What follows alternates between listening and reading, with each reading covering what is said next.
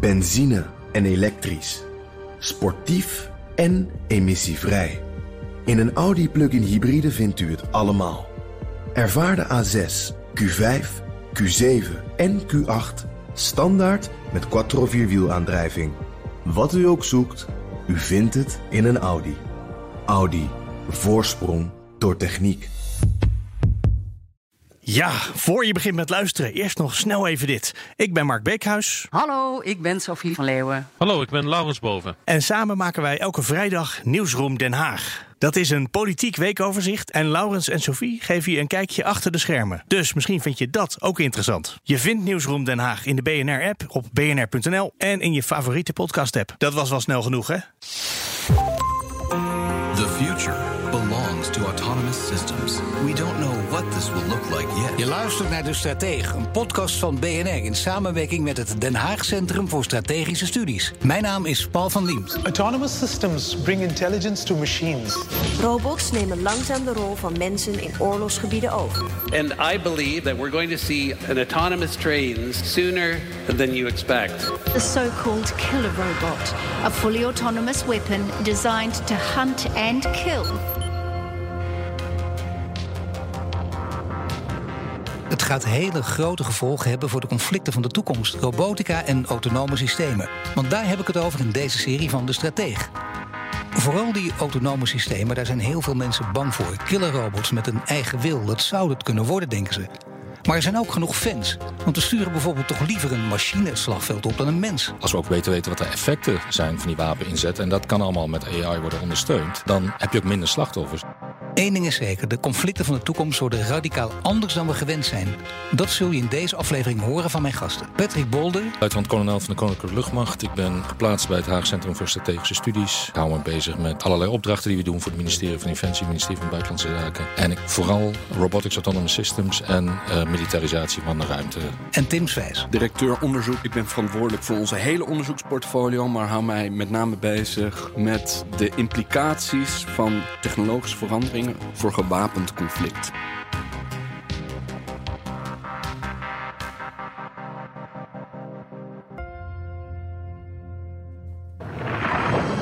At some point in the early 21st century, all of mankind was united in celebration. We marveled at our own magnificence as we gave birth to AI. AI?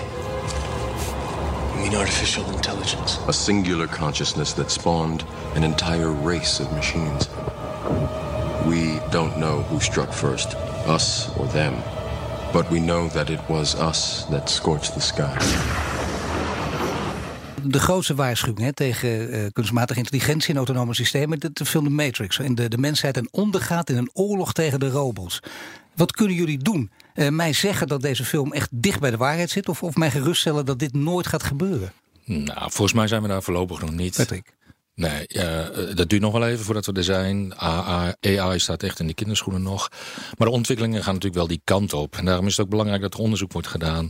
Waar liggen de grenzen? Wat willen we zelf dat iets mogelijk kan met AI? Uh, waar vinden we echt dat het te ver gaat? Noem maar op. Maar voorlopig, uh, dit gaat niet gebeuren? Of kun je zelfs nu al zeggen, dit gaat nooit gebeuren? Nou, we leven tegenwoordig in een AI-hype-cycle. Ja? Alles is AI. Iedereen ja. plakt het uh, etiket AI of machine learning erachteraan. Als je kijkt waar we nu staan, dan is er sprake van zogenaamde artificial narrow intelligence. Dus het gaat om specifieke toepassingen. Het herkennen van Facebook-foto's. Um, het navigeren van wegen. Waarin algoritmes beter zijn dan mensen. Maar dat betekent helemaal niet dat de, de, de huidige generatie AI, de verschillende soorten algoritmes die we hebben, het menselijk brein uh, overmeestert en veel beter is over, over een waaier aan dingen. Dus nee, dat is echt een heel ver toekomstscenario. Dat is een ver toekomstscenario. Het is ook een ander scenario om te denken dat mensen niet meer nodig zijn. Dat je denkt, je luistert nu en je denkt, nou, ik word nooit meer opgeroepen om, om nog aan een oorlog deel te nemen. Want de technologie gaat zo hard, ze hebben mij toch niet meer nodig.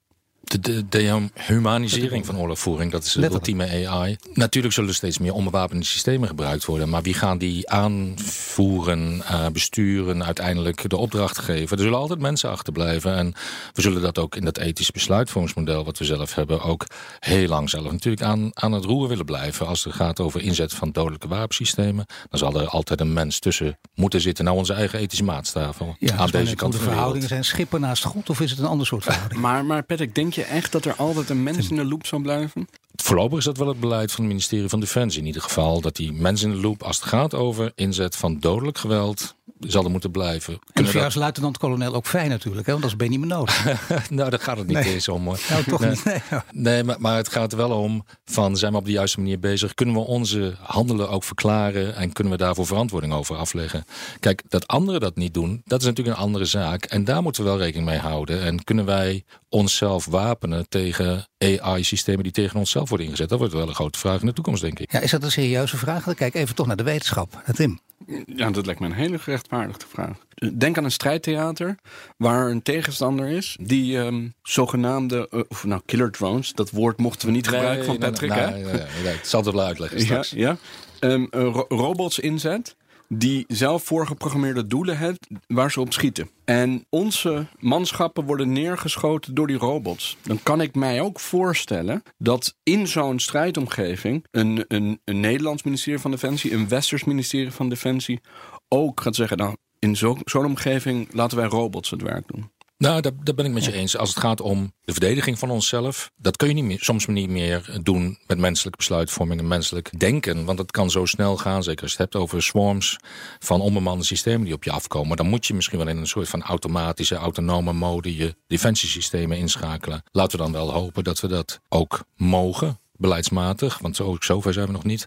Maar het zal wel keihard nodig zijn. Daar ben ik met je eens voor. Ja, de ook daar willen we het zo nog even over hebben. Maar eerst nog even over de betekenis. Artificial intelligence, machine learning, al deze termen ook. Eh, uiteindelijk een robot die een eigen leven gaat leiden. Ik probeer nu even zo ver mogelijk vooruit te denken. Is dat wat ons toch te wachten staat, of niet? Nou, Tim. Ja, Tim, jij moet het verlossend Jij antwoord geven. Daar ben ik toch eh, bang voor, ja. Ja, we hebben artificial narrow intelligence, een goede manier om over na te denken, denk ik. Artificial general intelligence en artificial super intelligence. En deze mooie de termen, samenvattende labels, gaan over narrow is een schaakcomputer. Hè? General intelligence zou een algoritme zijn dat op allerlei takken van sport even goed of beter is als mensen. Beter is dan mensen, pardon. En uiteindelijk heb je artificial super intelligence. Daar, daar heb jij het denk ik over, eh, Paul. Dat gaat over een, eh, een algoritme dat gewoon sneller kan denken eh, en sneller kan beslissen dan mensen. Nou, daar zijn we de komende decennia nog lang niet. Dus dat is inderdaad science fiction. Dus daar moeten we eigenlijk ook nog maar niet over, te veel over praten. Omdat dat de discussie dan versluiert? Of vertroebelt zelfs? Nee, je kan er zeker over praten. Zeker ook als het interessant Ja, maar het is heel ver weg. is En we weten, en het is toch veel speculeren dan nog. Nou, ik, ja, en ik denk specifieker als je kijkt naar de implicaties voor militaire eh, verhoudingen, voor het karakter van oorlog en de relaties tussen staten, denk ik dat de implicaties voor de komende vijf tot tien jaar al zo groot zijn dat we niet eens over artificial superintelligence hoeven na te denken om de serieusheid van de situatie onder ogen te zien. Als je gaat kijken naar defensieplanning, daar heb je het over inderdaad periodes van 10, 15, 25 jaar. En die ontwikkelingen die komen wel naar ons toe. Dus je moet er nu over nadenken, nu beslissingen nemen om straks daarvoor klaar te zijn. De secretaris-generaal van de Verenigde Naties is heel erg met artificial intelligence bezig, zegt hij. Dus laten we even luisteren. I am deeply interested in the remarkable phenomenon of artificial intelligence. Artificial intelligence is advancing dramatically. It is already transforming our world socially, economically, and politically. Artificial intelligence can help analyze enormous volumes of data, which in turn can improve predictions, prevent crimes, and help governments better serve people. But there are also serious challenges and ethical issues at stake. Let us make sure we use artificial intelligence to enhance human dignity and serve the global good. Ja, de heer Gutierrez van de Verenigde Naties. Hij zegt dit. dit. Dit is een korte samenvatting in ongeveer 30 seconden. Hier heeft hij meteen ook eh, de kern te pakken, of niet? We hebben het net een beetje aangegeven. Ik, ik, nou, ik vind het wel belangrijk om te weten of iemand in zo'n positie het begrepen heeft. Nou ja, het, het, het helpt ons enerzijds. Het helpt ons enerzijds om onze besluitvorming beter te doen. Het helpt ons om misschien ook wel op een meer morele manier oorlog te voeren in de toekomst. Want we hebben veel meer kennis. Um, en daar gaat het eigenlijk ook om. Hoe krijg je die kennis die je vergaart met alle moderne systemen? Hoe krijg je die op de juiste manier bij je? Hoe analyseer je die goed? Kan een mens dat nog wel aan? Ik denk dat we daar ook artificial intelligence voor nodig hebben. Om juist onze besluitvorming op de juiste manier te doen. Uh, met al die hoeveelheid informatie die samenkomt, ja, zonder artificial intelligence ben je niet meer in staat om dat te beoordelen. Het is, het is eigenlijk een heel paradoxale ontwikkeling dat je juist door het gebruik van meer technologie en van AI een meer humane vorm van oorlogsvoering ja. zou krijgen. En waar Patrick volgens mij op doelt is, als je kijkt naar vroeger, uh, oorlog in het verleden, werden er massabombardementen uitgevoerd. Niet alleen omdat dat een strategie was, maar ook omdat de techniek daar nog lang niet was dat ze heel precies uh, konden bombarderen. Als je nu kijkt de ontwikkelingen die we de laatste 70 jaar hebben gezien, heb je veel meer precisiebombardementen. Krijg je. Klopt. Waar nog steeds, overigens, dat zien we in, in, in Syrië. We hebben ook de discussie hier in Nederland over dat daar nog steeds slachtoffers bij kunnen vallen, inclusief burgerslachtoffers, ongewenst. Maar het idee is dat het gebruik van de AI zou helpen bij het meer precies targeten en daarmee het vermijden van slachtoffers. Ja, en dus minder burgerslachtoffers, uh, cynisch gezegd minder collateral damage. Ja, nou ja, kijk, waar je het nu over hebt, over dat Hawija-bombardement, denk ik. Als, we continu eyes on target zouden hebben en, en continu zouden weten wat er gebeurde en hoeveel vrachtwagens met explosieven daar in die schuur zouden staan, ja, dan was die aanval misschien niet doorgegaan. Maar we hebben gewoon de capaciteiten niet. En zou je die capaciteiten wel hebben om dat continu te observeren, dan moet je ook gaan terugrekenen waar komen die vrachtwagens vandaan, wie heeft ze geladen, wat is de lading, hoe lang staan ze daar al, wat is het gevaar daarvan. Dat is zoveel informatie, dat een mens kan het niet meer bevatten. Hmm. Kan het zelfs zo zijn dat we straks een uh, letterlijk schone oorlog krijgen? Dat wil zeggen een oorlog uh, waar geen doden bij vallen? Daar heb ik wel eens over nagedacht. Dan kan je de robots laten vechten. Maar op een gegeven moment is, heeft een land geen robots meer. En wat gebeurt er dan? Of dan kunnen we een betere voetbalwedstrijd onder elkaar gaan houden. En wie dan gewonnen heeft, die is de winnaar. En dan, maar dat zie ik niet zo snel gebeuren. Was die James Bond film, met die, wanneer, welke was dat ook weer? Jaren 60, jaren 70? Waar ze gewoon twee mannen tegen elkaar een spel spelen. Een soort van ja. spel. Ja, ja bedoel, dat, dat is natuurlijk, again, science fiction. Maar ik kan me wel degelijk voorstellen dat er onbemande vliegtuigen tegen elkaar gevechten gaan, gaan voeren. En dat, is, dat is dus niet veel. Maar nu hebben we het over oorlogen tussen staten. Maar er zijn natuurlijk ook andere groepen die onderling oorlogen voeren. Of die op andere manieren uh, uh, wapens inzetten. Hebben die dit soort wapens ook? Ik bedoel rebellengroepen, uh, terroristische organisaties? Zeker. Hezbollah bijvoorbeeld. waarschijnlijk door Iran geleverde drones die ze boven Israël inzetten. Boko Haram is back with better drones. Ja. Uh, was een New York Times uh, headline ja. afgelopen jaar. Ja, door dat soort te technologie is niet voor, voorbehouden aan, aan statelijke actoren. En de, met de dezelfde, met ja. Dezelfde, ja, Houthis en ja. de, de Hutus en de Tutsis, bijvoorbeeld ook inderdaad in Afrika. Dat betekent dus wel dat je, als je ziet dat al deze groepen daar beschikking over hebben, wil je ook weten welke kracht ze daarmee kunnen uitoefenen. Ze hebben dezelfde, dezelfde wapens tot hun beschikking als, laten we zeggen, verontwikkelde staten. Nou, je kan met hele goedkope drones kan je al een hoop uh, terreur uh, uh, genereren. Wat kun je bijvoorbeeld doen? Nou, met de drone die je in de supermarkt koopt, daar hang je een jampotje onder. Je doet er een handgranaat in, je haalt de pin eruit. Je hangt die jampot onder die drone. Je vliegt boven een doel en je drukt op een knop. En dat jampotje valt, valt uit elkaar. De handgranaat staat op scherp en boem. Kunnen wij allemaal doen Heel simpel, ja met deze handleiding van jou. Dus mensen, mensen die dat horen, die zeggen dan, je moet het eigenlijk, eigenlijk moet je dit niet doen. Je zou het eruit kunnen knippen en de hele dag door gewoon dit laten nee, horen. Maar, maar, Bolder, geef les. Nee, het is, het is wel natuurlijk uh, de waarschuwende woorden van mij van uh, we moeten niet denken dat het allemaal hoogtechnologisch is. Iedere terreurgroep met weinig geld, die kan, dit, kan, kan al hoop bereiken. En daartegen kun je ook weer allemaal tegenmaatregelen nemen ja, natuurlijk. Ja. Dus ik bedoel, je kan, je kan interfereren met de besturingssystemen van die drones. Geofencing, achter dingen. Geofencing, je, je, kan zelfs uh, netten gooien om ze uit de lucht te halen. Dat is allemaal heel erg experimenteel. Maar roofvogels zijn we zelf mee gestopt volgens mij. De politie was ermee bezig. Maar de gevaren zijn wel groot. En, uh, daar, en dan zal ook in de Tweede Kamer volgens mij Sven Koop Koopmans die waarschuwt daar ook wel voor. Van we moeten ook niet blind zijn wat we zelf willen, maar ook wat anderen ons aan kunnen doen op dit gebied. Ja, dat is wel heel belangrijk dat we daar oog voor hebben. En met alleen verdragen komen we er niet. We moeten ook onszelf verdedigen. En als we onszelf verdedigen, kan het uh, goed zijn dat we in ieder geval heel veel informatie tot onze beschikking hebben. En die informatie uh, die valt vaak onder, onder de grote noemer big data. Ja. Uh, wordt het ook steeds meer oorlog, dus ook steeds meer een strijd om grote hoeveelheden informatie? Ja. ja. En om het vermogen om die grote hoeveelheden informatie Juist. te verwerken heel snel. En dat is waar algoritmes in komen. Maar wat houdt het in de praktijk dan in? Hè? Dat, je, dat je straks bijna alles kunt voorspellen, dat je ook heel veel kunt, kunt voorzien? Deels, maar het gaat er vooral om dat jouw besluitvorming beter en sneller is dan die van je tegenstander. En dat is de zogenaamde OODA-loop, de Orient Observe, Decide and Act. Dus, dus bekijk wat er gebeurt, analyseer wat er gebeurt, beslis wat je moet doen, ga wat doen en analyseer dat dan weer en bekijk dan weer. En als je dat sneller kunt doen dan een tegenstander, ja, dan ben je wel aan de winnende hand. En als je dat doet op basis van een heleboel data die gevalideerd is, dan is jouw besluitvorming ook nog eens een keer beter. Zijn er op dit moment landen die over veel en veel meer data beschikken dan anderen? De Amerikanen, ja. Bij uitstek. De Amerikanen hebben, die hebben dus al het grootste leger sowieso. Het, het oude fossiele leger. Maar die zijn ook op digitaal terrein en, en aan de hand van, van, van data aan de winnende hand. Zeker, en die zijn ook begonnen, ik bedoel al jaren natuurlijk, met het verzamelen van grote hoeveelheden gegevens boven uh, oorlogstheaters. Maar dat zijn zoveel gegevens dat ze niet meer menselijke analisten hebben om die gegevens te analyseren. En dus wat ze dan doen, dan maken ze gebruik van algoritmes om bijvoorbeeld uh, uh, verdachte afwijkende patronen te ontdekken. Of ze voegen dat aan een database toe, waar ze bijvoorbeeld het gezicht van een terroristenleider zien, die dan automatisch wordt herkend. En dat is een soort van simpel voorbeeld over hoe het nu al wordt toegepast. Ja, maar dat is een hele leuke die je nu zegt. Het gaat over gezichtsherkenning. Je ziet het op een, op een, op een kleiner niveau. Dat bedoel ik dat niet denigrerend, maar letterlijk. Bij de politie ook al discussie over is. Hè? Wat voor technologie moeten we inzetten als het om gezichtsherkenning gaat? Dat kun je in het leger. Heb je daar altijd meer middelen tot je beschikking, althans het Amerikaanse leger, om, om dit in te zetten? Absoluut, maar het, het zal ook. Weet je, misschien wil je het niet als mens van uh, een machine gaat het besturen. Maar het is iets wat ook ons aangedaan wordt straks. De Chinezen zijn er bijvoorbeeld al heel ver mee. Kijk nou hoe ze de Oeigoeren in de gaten houden eigenlijk. Nu ook met de coronacrisis. Mensen worden gewoon op basis van hun gezicht. Die krijgen een, uh, een stempel, zeg maar. Een digitaal stempel. En die kunnen gewoon overal worden gevolgd. Maar zijn de Chinezen daarom juist niet per definitie hier toch verder in? Ook al is de techniek misschien, of de technologie misschien minder ontwikkeld. Maar omdat ze met die privacywetgeving, et cetera, niets te maken hebben. Ja, dat maakt het voor hen wel makkelijker om dit soort dingen door te voeren. En ook in uh, in een maatschappelijk verkeer gebruiken.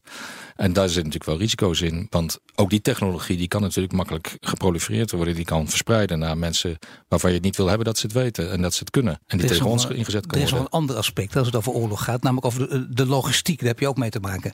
Uh, wat betekent die ontwikkeling voor de logistiek? Uh, letterlijk voor de logistiek. Maar ook voor, de, voor de, bijvoorbeeld de medische organisatie tijdens een oorlog. Uh, nou, niet als we het hebben over de harde logistiek zeg maar, van, van vliegende middelen bijvoorbeeld. Uh, vliegtuigen die genereren een heleboel data tijdens het vliegen over het verbruik ja. van hun middelen, maar ook over slijtage, over uh, metaalmoeheid bijvoorbeeld. Natuurlijk, en mensen die gewond langs de weg liggen of waar dan ook, die kun je ook veel sneller opsporen, die kun je veel sneller ook helpen. Uh, als je op basis van, van, van uh, database, uh, virtual reality, wat zijn hun klachten, wat is hun medische historie, kan je ze veel sneller helpen ook. En dan kan je ze veel beter gericht helpen. Waardoor ze sneller worden afgevoerd, waardoor ze betere zorg krijgen, waardoor er minder slachtoffers vallen.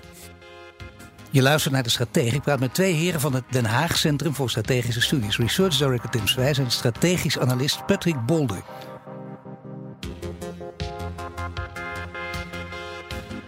We normally tend to think of software as stuff that we created and that we wrote, and the machines do what we tell them to do and we own it. This is not any longer true. It writes itself at speeds that we can hardly comprehend, and people who write it know that you can't take it apart again and figure out what it's done. It writes independently, autonomously. It develops its own way of thinking, and there are dangers.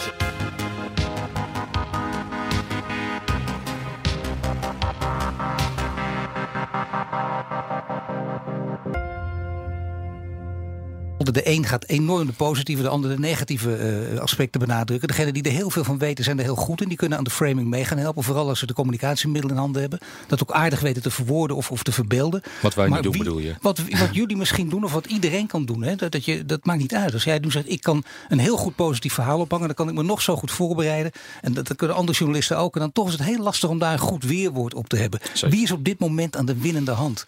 Leven we in, in, tijden van positieve technologie? Of zijn degenen die, die het angstscenario uh, uh, rondschreeuwen, zijn die aan de, aan de winnende hand? Maar daarom denk ik dat het juist zo belangrijk is om zowel de gevaren als de kansen te laten zien. Zodat we dit gebalanceerd Zeker. benaderen. Dat we niet alleen uh, kijken naar, oh, er komen killerbots. Uh, en niet alleen kijken naar nou, gevaarlijke voorbeelden zoals deepfakes. Kunnen we ook nog even over praten. Maar ook kijken, en dat proberen we denk ik vandaag ook te doen, naar een aantal positieve hmm. uh, uh, kansen die geassocieerd en zullen we daar naar die positieve kanten kijken, maar eerst die twee die je nu noemt wel dan even gaan wegnemen. Of in ieder geval gaan benoemen en eventjes iets, iets uh, nader belichten.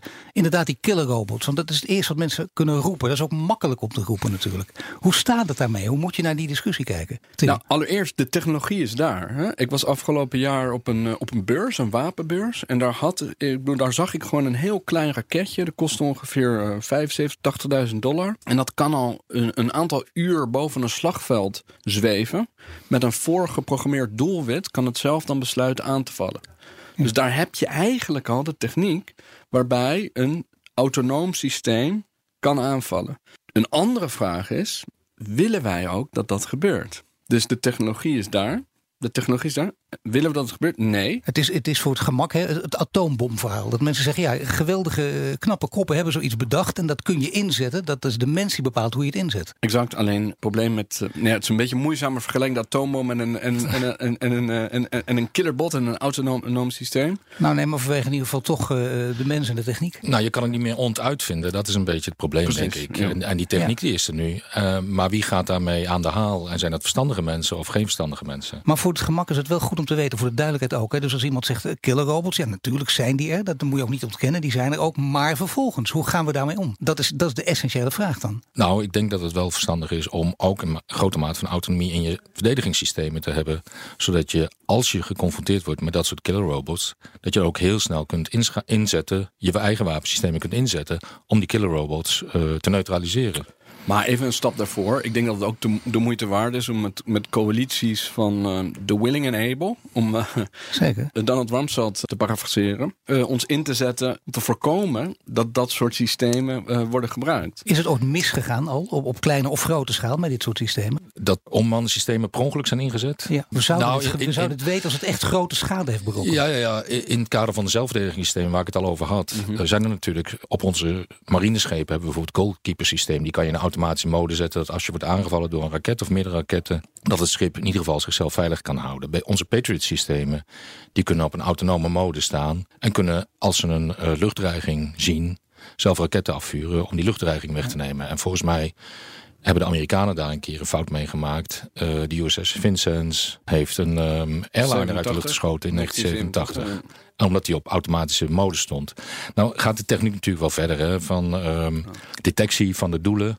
Maar ook de identificatie van de doelen. Dat wordt ook steeds beter. Want daar, dat is die machine learning ook die erin zit hopelijk. En ook de mensen die die be dingen beter gaan programmeren. Maar soms zul je ook niet zonder die autonomie kunnen. Omdat je die snelheid van handelen nodig hebt. Maar juist omdat natuurlijk de mensen bij betrokken blijft. Heb je voldoende, zeggen jullie nu, voldoende checks en balances? In ieder geval, de Nederlandse defensieorganisatie zal ernaar blijven streven. Ja, nee, dat, dat, dat ja, je moet lachen, die zal inderdaad naar blijven streven. Ja. Stel dat ze het niet zouden doen, hè? Zou helemaal gek zijn. Ja. Natuurlijk blijven ze naar streven. Ja, maar het, het, dat streven, dat, dat gaan ze ook inlossen. Dat kunnen ze ook. Zullen we moeten, want het, de politiek eist dat van ons. We gaan straks ook over de politiek. Daar kom je meteen over regelgeving. Gaan we het ook over hebben. Maar toch, ik wil niet deepfake vergeten. Want uh, ja, jij zit steeds te spelen met het mooie uh, laptopje voor je neus. Want er staat een geweldig voorbeeld op, uh, Tim. Misschien aardig om dat... Nou ja, ik heb hier een filmpje van um, een deepfake van Trump. Um, waarbij je dus eigenlijk met vrij simpel te verkrijgen en uh, te programmeren software... Um, kun je dus een publieke actor, een president van Amerika, iets laten zeggen... wat hij helemaal niet in het echt heeft gezegd. Ja, bijvoorbeeld? Bijvoorbeeld, uh, wij hebben een nucleaire aanval op Noord-Korea gelanceerd... en over 20 minuten valt die bom. Nou, dan ga je wel schrikken als jij... Um, en dat is dan, dan denken wij, dat is de echte Trump. En dat is ook zijn, zijn echte stem. En dat kun je niet van. En zijn gezicht, je kunt het niet van de werkelijkheid onderscheiden. Nou, wij hier met z'n drieën kunnen dat niet. Ik bedoel, de vraag is natuurlijk of wij een nieuwe software kunnen ontwikkelen waarmee je deepfakes van niet-deepfakes kan onderscheiden. Nou, daar heb je dus artificial intelligence voor nodig om die zuiverheid van die informatie te kunnen Maar dit bepalen. is interessant, want uh, je zult toch maar net in zo'n tussenfase dan uh, zo'n Trump-uitspraak naar buiten gooien. Dat je die nog niet kunt onderscheiden, dan gaat het net op dat moment mis. Omdat jij nog met je techniek achterloopt aan de andere kant om het te onderscheiden. En dat lijkt mij dus serieus heel verontrustend. Als we, als we dit soort scenario's voorstellen, die we overigens nog niet hebben gezien maar als we dit soort scenario's voorstellen, dat zou echt uh, heel destabiliserend kunnen werken. Want stel je voor dat, dat, ja. jij, dat jij Trump ziet op televisie zeggen dat hij een kernaanval op jouw land heeft ja. Over handleidingen gesproken. Over ja. Die van jou is nog veel gevaarlijker. Nee, nee, inderdaad. Nou goed, heren, dat zijn, dat zijn laten we zeggen, inderdaad de negatieve kanten. Die moeten natuurlijk niet onderbelicht blijven, want die bestaan ook. Maar er is dus ook een andere kant. Hè? Ik bedoel, er zijn andere kanten. Technologie is er, die hebben we. Laten we er blij mee zijn en kijken wat we daar ook ten positieve mee kunnen. Nou ja, als, als we betere besluitvorming hebben, als we beter weten waar we onze wapens moeten inzetten, kunnen inzetten, als we ook beter weten wat de effecten zijn van die wapeninzet, en dat kan allemaal met AI worden ondersteund, ja, dan heb je ook minder slachtoffers. Dan heb je een zuiverde oorlog. En ik doe de aanhalingstekens, ja, want uh, hoe ver is oorlog zuiver altijd, dat is de vraag. Maar het kan ook tot een meer moreel vorm van oorlog voeren leiden. En laten we vooral daarop inzetten dat we op die manier in ieder geval onszelf veilig houden, ons land, onze coalitie, onze belangen, op een manier waarop zo weinig mogelijk mensenlevens, vernietiging plaatsvindt. Maar je hebt daarbij nationale, internationale regelgeving nodig, zoals hier nu ook is voor andere vormen van oorlog. En is er een land waarvan je zegt, nou, dat land, bijvoorbeeld Nederland, eh, moet hier het voortouw nemen, de voortrekkersrol eh, op zich nemen? Op zich is het helemaal niet zo gek. We vinden Den Haag is, is, is uh, niet de hoofdstad van Nederland, maar wel de regeringszetel. En Den Haag is ook de stad van het internationale en nationale recht. Het zou helemaal niet gek zijn om daar een voortrekkersrol voor Nederland in te gaan zoeken. Het woord defensie is wel één keer gevallen. Tot nu toe in deze podcast gaan we nu vaak over praten. Kan niet anders. Patrick, ja, gelukkig. En daar komt hij. AI or artificial intelligence is critical to the future of U.S. national security. All the way to our back office business functions, operational effectiveness, readiness improvement, and efficiency. So I really kind of uh, turn it around. And if you were to say, what are one of our objectives in the Department of Defense? Strange as this may sound, five years from now, we want AI to be boring for the department. It is just embedded in the fabric of the Department of Defense. Ja, de Amerikanen uh, zeggen dit uh, bij monden van uh, Jack Shanahan, director Joint Artificial Intelligence Center van het Pentagon. Het over vijf jaar is het bijna saai om over dit onderwerp te praten. Want dan is het gewoon, ja, dat, dat is gewoon common sense. is er bij ons in Nederland ook die korte termijn die daarvoor staat? Lijkt me nog niet zo. Ik, ik, het gesprek wordt er nog niet zo hard over gevoerd. We zijn nu bezig met uh, de nieuwe defensienota. Die moet ergens dit jaar verschijnen. Of de herrijking heet dat. Ik, ik, hoop dat daar inderdaad wel aandacht is voor die ontwikkelingen die allemaal voor de deur staan. En die echt de toekomst van de krijgsmacht zullen gaan uh, moeten beïnvloeden. Maar dan lopen we dus per definitie al heel veel achter op de Amerikanen. Die het nu al hebben over vijf jaar wordt het saai om hierover te praten. Ja, want we weten nu al zoveel. Ah, dit is ook een beetje een horizonscan. Ja, dat denk ik. nou, het, is, het is belangrijk dat het genoemd Jack wordt. Jack luistert mee. Hè? Dus moet je bij ja, uitkijken. Want, uh, maar hij bestaat geen Nederlands. Maar in de, in de nieuwe defensievisie zal ongetwijfeld artificiële intelligentie aan, aan bod komen. Maar je moet ook bedenken dat die, het Pentagon is zo'n grote machine. Maar die niet alleen omdat hij zo groot is, draait hij heel traag. Dus vijf jaar, dat is echt hoopdenken, wensdenken. Dat, dat, dat, gaat niet gebeuren. Wat je daarbij wel moet bedenken is dat de Amerikanen met dat Joint Artificial Intelligence Center, wat ze voor dit jaar al uh, met een budget van een paar honderd miljoen dollar hebben uh, gefurnished gegeven. Ja, die bedragen die kunnen wij in Nederland niet opbrengen. Maar ik heb overigens ook nog geen ticketlines, geen budget specifiek geallockeerd Mhm. aan naar artificiële intelligentie in een defensiebudget gezien. Jij wel, Patrick? In Nederland? Nee, nee Nederland. zeker niet. Nee, ook andere ontwikkelingen zoals proliferatie van, van ballistic missiles die weer gaat toenemen. Zeker na het opzeggen van het INF-akkoord en straks het aflopen van de New Start.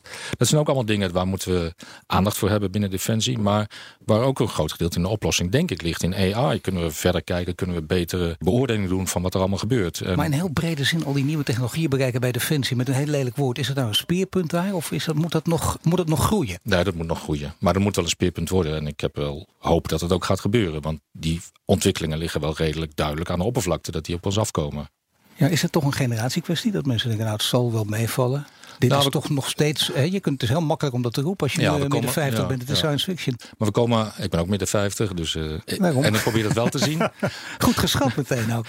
We, we komen natuurlijk uit een tijd met een heleboel bezuinigingen en een heleboel afbraak van de oude staat van Defensie. En je ziet nu dat, dat vooral die wederopbouw gebeurt en dat er te weinig aandacht is, wat mij betreft tenminste, voor de nieuwe ontwikkelingen. En ik vraag me of die balans wel helemaal goed is. En ik hoop dat dat met een nieuwe herijking in ieder geval gaat kenteren. Hoe vinden jullie dat de politiek hierin moet staan, zich hier mo- in moet opstellen? We hebben vorige maand hebben we de Tweede Kamercommissie, Vaste Kamercommissie voor Defensie, is ook op bezoek geweest bij de 13 brigade. Wij zijn er ook vanuit de HCSS bij geweest. En het bleek eigenlijk dat zij daar een heleboel informatie kregen die ze van tevoren nog niet wisten. Ze dachten dat ze meer wisten. Ze dachten ook dat we veel verder waren. Dat we veel meer op autonomie al eh, Mhm. waren ingestoken. Dat we bijna onverantwoordelijk bezig waren.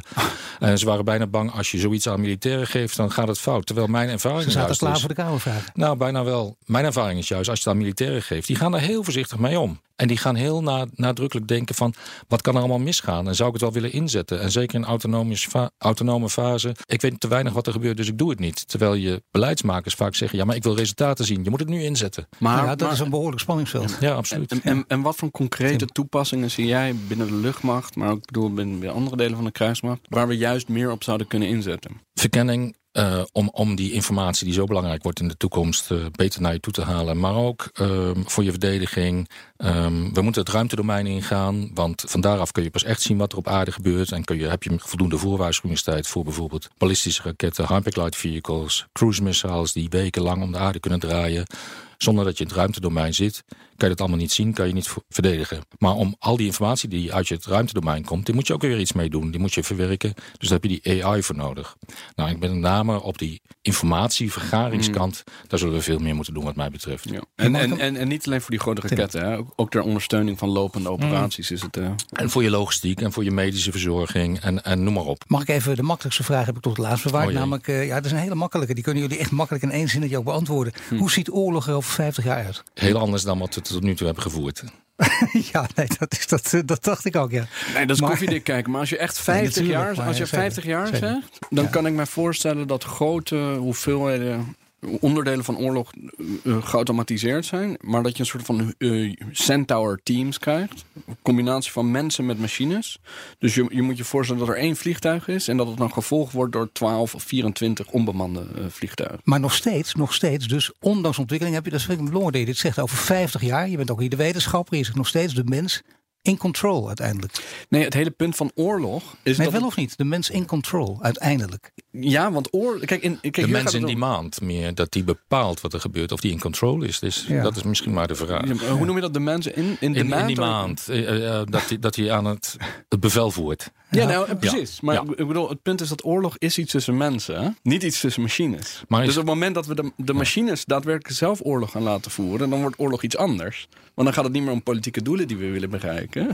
Dan gaat het om machines die, die, die ons hebben overgenomen. Dus ik kan me prima vinden in. En dan zijn wij weg ook sowieso. Dan, en dat zou kunnen, als de machines dat besluiten dat wij weg moeten, zijn wij niet meer. Maar wordt oorlog nog wel kinetisch? Misschien gaat het veel meer over het informatiedomein, het ontzeggen van, van economische mogelijkheden, uh, het blind en doof, het stom maken van je tegenstander, zodat hij meer weet wat er gebeurt, uh, verlamd wordt. Ja, dus dat wordt breder dan het kinetische alleen. Maar absoluut. Totdat je een soort van andere middelen vindt om je tegenstander te verslaan, ja. zal het kinetische daar ook onderdeel van uitblijven. Een andere belangrijke vraag gaat natuurlijk over de internationale machtsverhoudingen. Want die zijn in de loop der jaren, in de loop van de geschiedenis al veranderd. En hoe gaan die nu veranderen? Tim?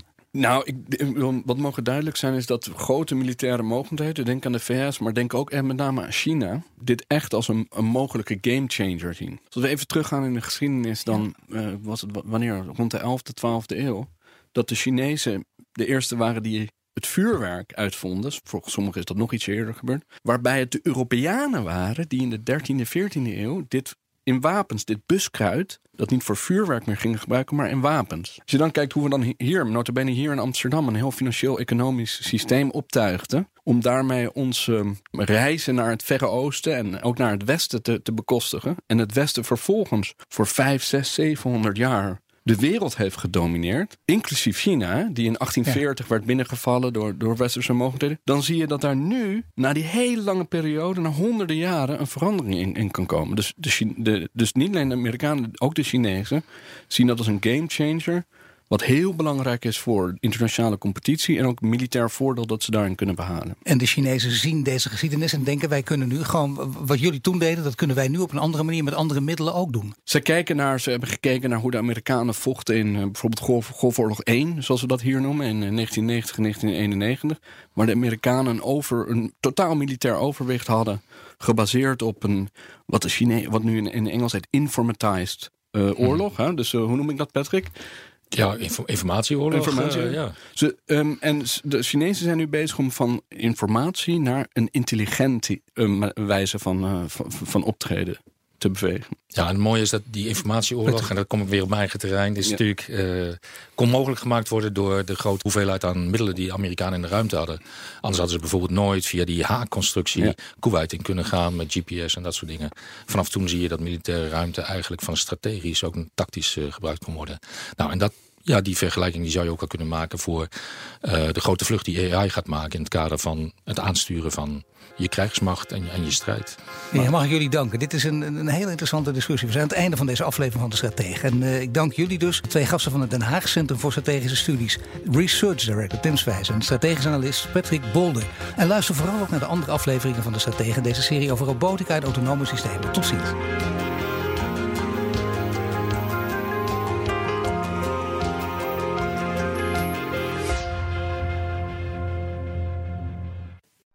Benzine en elektrisch. Sportief en emissievrij. In een Audi plug-in hybride vindt u het allemaal. Ervaar de A6, Q5, Q7 en Q8 standaard met quattro vierwielaandrijving. Wat u ook zoekt, u vindt het in een Audi. Audi. Voorsprong door techniek.